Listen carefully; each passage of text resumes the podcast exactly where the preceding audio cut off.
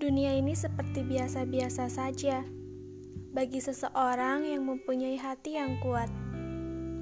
Entah sekuat baja atau sekuat apa. Yang jelas itu yang pernah saya lihat pada beberapa diri teman saya. Saya kadang terheran-heran pada mereka yang disinggung namun hatinya tetap merasa nyaman. Disakiti bilangnya manusiawi dan dicaci bilangnya ya udah nanti juga capek sendiri. Bersikap bodoh amat sudah menjadi makanan sehari-hari. Jadi, apa pun yang akan dia hadapi setelah dia membuka mata sampai memejamkan mata, itu adalah hal lumrah yang semestinya dia dapatkan. Begitu katanya. Kata si hati baja. Berbeda denganku yang masih menjadi manusia perasa. Apa-apa dirasa apa-apa diresapi, lalu dimasukkan ke dalam hati. Hingga akhirnya terperangkap dan merasakan sakit yang menjadi-jadi.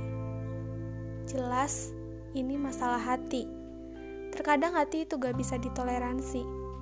Meskipun pikiran kita menyangkal bahwa kita kuat, kita bisa, kita mampu, tapi bagaimana dengan si pengendali diri? Dia juga hidup di dalam sana dan mungkin sama berdetaknya dengan jantung kita. Otak memang lebih tinggi dari hati, tapi rasa lebih dalam dari pikiran. Makanya orang bilang lebih baik mikir gak pakai perasaan atau berperasaan tanpa berpikiran. Ya, gak mungkin dua-duanya kan? Karena hati dan pikiran adalah dua dimensi yang terhubung di mana kita akan melakukan semua pergerakan atas dasar perintahnya. Lalu bagaimana dengan si perasa yang selalu kalah dan payah dalam menghadapi segala bentuk kecewa? Tapi kalah gak mesti salah. Kalah itu pilihan. Bukan. Tapi sepertinya iya. Karena jika kamu kalah, kamu akan memutuskan untuk berjuang lagi kan?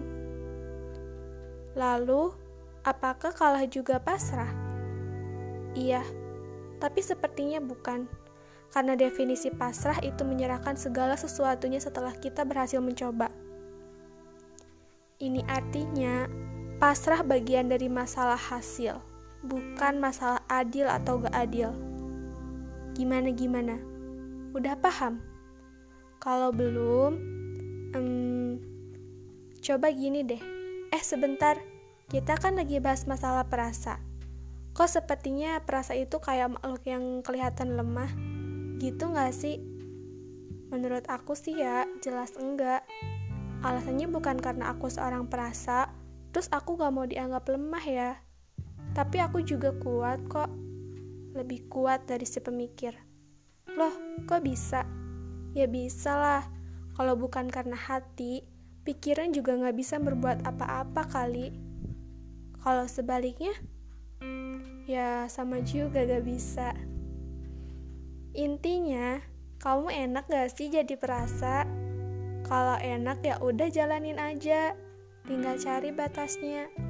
Batas yang menentukan sampai di mana kita bisa berkelana. Yaelah, berkelana. Iya, serius. Kalau kamu benar-benar gak bisa terkendali dan membiarkan rasa itu melebihi hasratnya, kamu bukan hanya akan terjatuh, tapi juga tersimpuh, luruh, dan kisruh. Duh, apaan lagi tuh? Ya, yang jelas, kamu juga harus belajar dari si pemikir. Kok dia mau? Kok dia bisa? Kok dia kuat? Kalau dia mampu, kenapa aku enggak?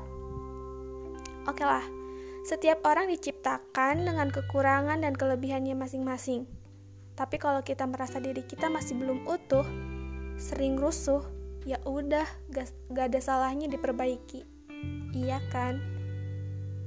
Nanti kita lanjut ya.